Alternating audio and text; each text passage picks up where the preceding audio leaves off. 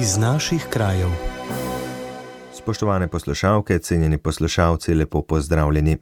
V tokratni oddaji iz naših krajev bomo poročali o ideji revitalizacije zgodovinskih mestnih središč prek posebnega sklada, protipoplavni zaščiti območja Drave, izjemni donaciji Iva Boskarola slovenskim gasilcem in cepilni akciji, ki so izvedli na območju Kranja. Vabljeni k poslušanju. Radio ognišče v vašem kraju. Kaj se dogaja z mesti, katerih nastanek sega več sto let nazaj? Marsikatera središča po državi so zapuščena, stavbe se praznijo, obnova pa je prezahtevna za občinske proračune. Podatki kažejo, da je več kot 65 odstotkov prebivalcev starih več kot 65 let. Mladi so se iz teh zgodovinskih mestnih središč izselili.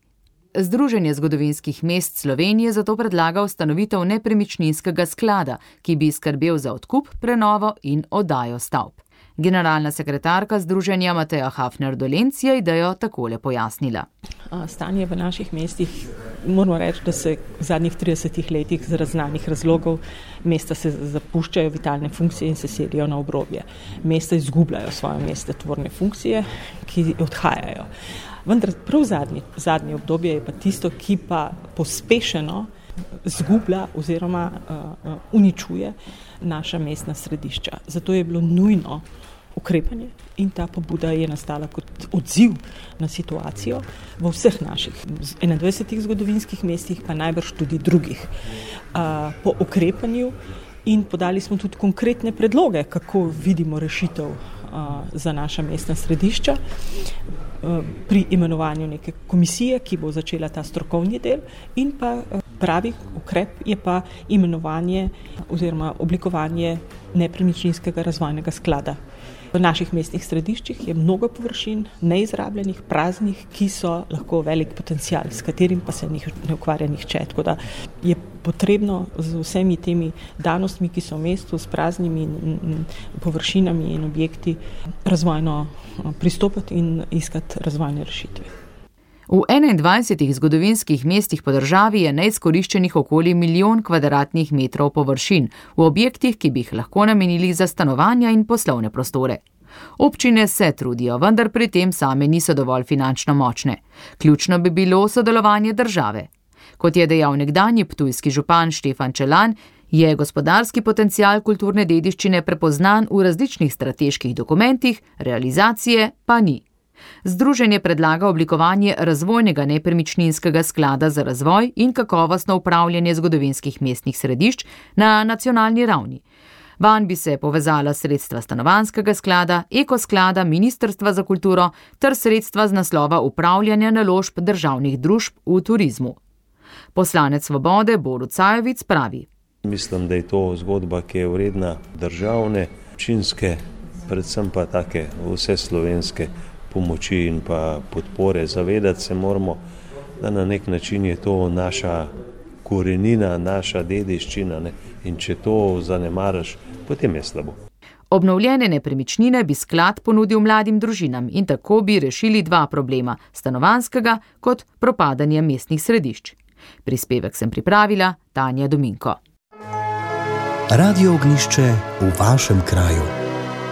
Mineva deset let od poplav na Dravi, ki so povzročile ogromno škodo. Medtem so za večjo varnost prebivalcev ob reki zgradili več protipoplavnih nasipov, vrsto ukrepov se še načrtuje, a popolne zaščite ni mogoče zagotoviti. Še vedno tudi ni zaključena zgodba na sodiščih, saj nekateri oškodovanci ustrajajo pri tožbah proti avstrijskemu Verbundu. Predstavnica direkcije za vode Mateja Klaniček. Po letu 2012 so bili izvedeni protipoplavni nasipi v Dogošah in v Dupleku, kateri zagotavljajo boljšo zaščito pred poplavami, kot so jo tamkajšnji prebivalci imeli pred poplavnim dogodkom leta 2012. V sklopu načrta za okrevanje pa je predvidena tudi izvedba protipoplavnih ukrepov v Dravogradu. Ob omenjenih poplavah so Slovenijo padavine zajele 4. novembra leta 2012, reke so takrat močno narasle, do razlivanja pa je prišlo bilo praktično povsod po državi. Najhujše poplave so bile dan pozneje na porečju Drave, kriv pa je bil zlasti močno povečan pritok iz Avstrije. Na nekaterih mestih Drave je pretok dosegel 2900 kubičnih metrov na sekundo, za kar naj bi bilo krivo odpiranje zapornic na avstrijski strani. Predtem je bil največji izmerjen pretok leta 1965, ko je znašal 2600 kubičnih metrov. V tem, kako varni so prebivalci danes, pa je Mateja Klaneček povedala. Protipoplavni ukrepi, eh, spoh tam, kjer se eh, varujejo naselja, eh, so dimenzionirani na teoretične, ne, stoletne vode, upoštevajo pa tudi še nekaj varnostne višine. Tako da te vodno-gospodarske ureditve, ki so bile izvedene v Dogošah in Dupleku, bi obranile lahko ta naselja tudi pred to vrstnimi visokimi vodami. Vodno-gospodarska ureditev Drave na odseku od Vurberka do spodnjega Dupleka je stala slabih 5 milijonov evrov, na območju Dogoš pa še slabe 3 milijone. Od tega je 85 odstotkov prispevala Evropska unija iz sredstev kohezijskega sklada, ostalo je pokril državni proračun. Odobren je bil tudi projekt zagotovitve poplavne varnosti porečja Drave na širšem tujskem območju. Nekaterih ukrepov, naprimer ureditve zmanjšanja poplavne ogroženosti na območju Malečnika, niso mogli izpeljati, med drugim tudi zaradi nestrinjanja krajanov in lastnikov zemlišč s predlagano rešitvijo. V sklopu načrta za okrevanje in odpornost so predvideni še protipoplavni ukrepi v Dravogradu, ki naj bi bili izpeljani do leta 2026. Projekt pa je bil ocenjen na 11 milijonov evrov. Prispevek sem pripravil Andrej Šinko. Radio ognišče v vašem kraju. Gasilska zveza Slovenije je konec oktobra društvom in zvezam, ki so sodelovali na poletni intervenciji gašenja požara na Krasu, poslala v podpis pogodbe za sofinanciranje stroškov intervencije. Skupaj bodo udeležena društva prejela skoraj 6 milijonov evrov, so sporočili iz Gasilske zveze. Ta je sredstva prejela iz več različnih verov.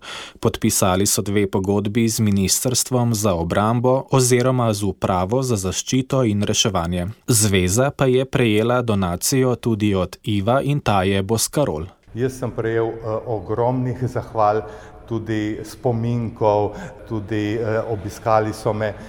Res eh, mislim, da je bila gesta zelo, zelo dobro sprijeta, ne samo med gasilci. Kar sem res srečen je, da tudi s pomočjo medijev, ker ste to novico eh, zelo eh, objavljali, da je precej mojih kolegov sledilo mojemu zgledu in če ste prebrali oziroma če ste videli, je bilo vsega skupaj skoraj 5 milijonov denarja zbranega za gasilce in to me še najbolj veseli, da je bil ta zgled razumljen in tudi posneman. Poleg navedenih sredstev je zveza zbrala donacijska sredstva za pomoč pri nakupu nove opreme v višini več kot 810 tisoč evrov, kamor so všteta nakazana sredstva podjetij, donacij preko SMS sporočil in televizijske oddaje Stopimo skupaj za slovenske gasilce. Zveza se ob tej priložnosti zahvaljuje slovenski vladi, Ivu Boskarolu in vsem ostalim donatorjem in posameznikom, ki so na kakršenkoli način darovali sredstva za gasilce. Spomnimo še, v najobsežnejši in najzahtevnejši intervenciji se je letošnjega julija na Krasu z ognjem borilo več kot 20 tisoč ljudi, med njimi tri četrtine prostovoljnih gasilcev iz več kot tisoč društev iz vse Slovenije, 200 poklicnih gasilcev, 3000 pripadnikov slovenske vojske, več kot 700 gozdarjev, 560 policistov, 370 pripadnikov enot Rdečega križa, 135 pripadnikov državne enote za varstvo pred neeksplodiranimi ubojnimi sredstvi in 73 članov ekip nujne medicinske pomoči. Iz zraka so s poleti pomagali člani več aeroklubov, na pomoč pa so priskočili tudi iz tujine in gospodarstva. Radio ognišče v vašem kraju. V zdravstvenem domu Kran so v tednu pred prazniki pripravili dneve množičnega cepljenja. Namenjeni so bili tako zaščiti pred sezonsko gripo, kot tudi pred COVID-19 oziroma pred težjim potekom bolezni ob okužbi z novim koronavirusom. Proti sezonski gripi se je v treh dneh cepilo 1600 ljudi, proti COVID-19 1053, nam je povedala koordinatorica akcije Barbara Bukovnik. Odziv je bil zelo velik dober. Rezultati, bom rekla, so za nas zadovoljivi. Namen akcije je bil namreč naenkrat in na preprost način, brez naročanja, cepiti čim več populacije. Načrtovana je bila že nekaj časa in je bila zaradi dobave cepiva proti gripi vnaprej predvidena za konec oktobra. Mi smo predvsem čakali pošiljko gripe in smo želeli združiti, ker je cepljenje možno oboje hkrati, to se pravi in proti gripi in proti COVID-u. Seveda izberemo različni mesti, levo in desno roko, če je možno poslužujemo se lahko tudi drugega mesta za cepljenje. Začetkom jeseni je še posebej naraslo popraševanje za cepljenje proti COVID-19. Cepljenje je potekalo nemoteno z četrtimi odmerki oziroma poživitvenimi odmerki, ali je bilo to tretji ali četrti odmerek. Nekaj pa smo imeli tudi cepljen s prvim odmerkom, to se pravi začetnim osnovnim cepljenjem.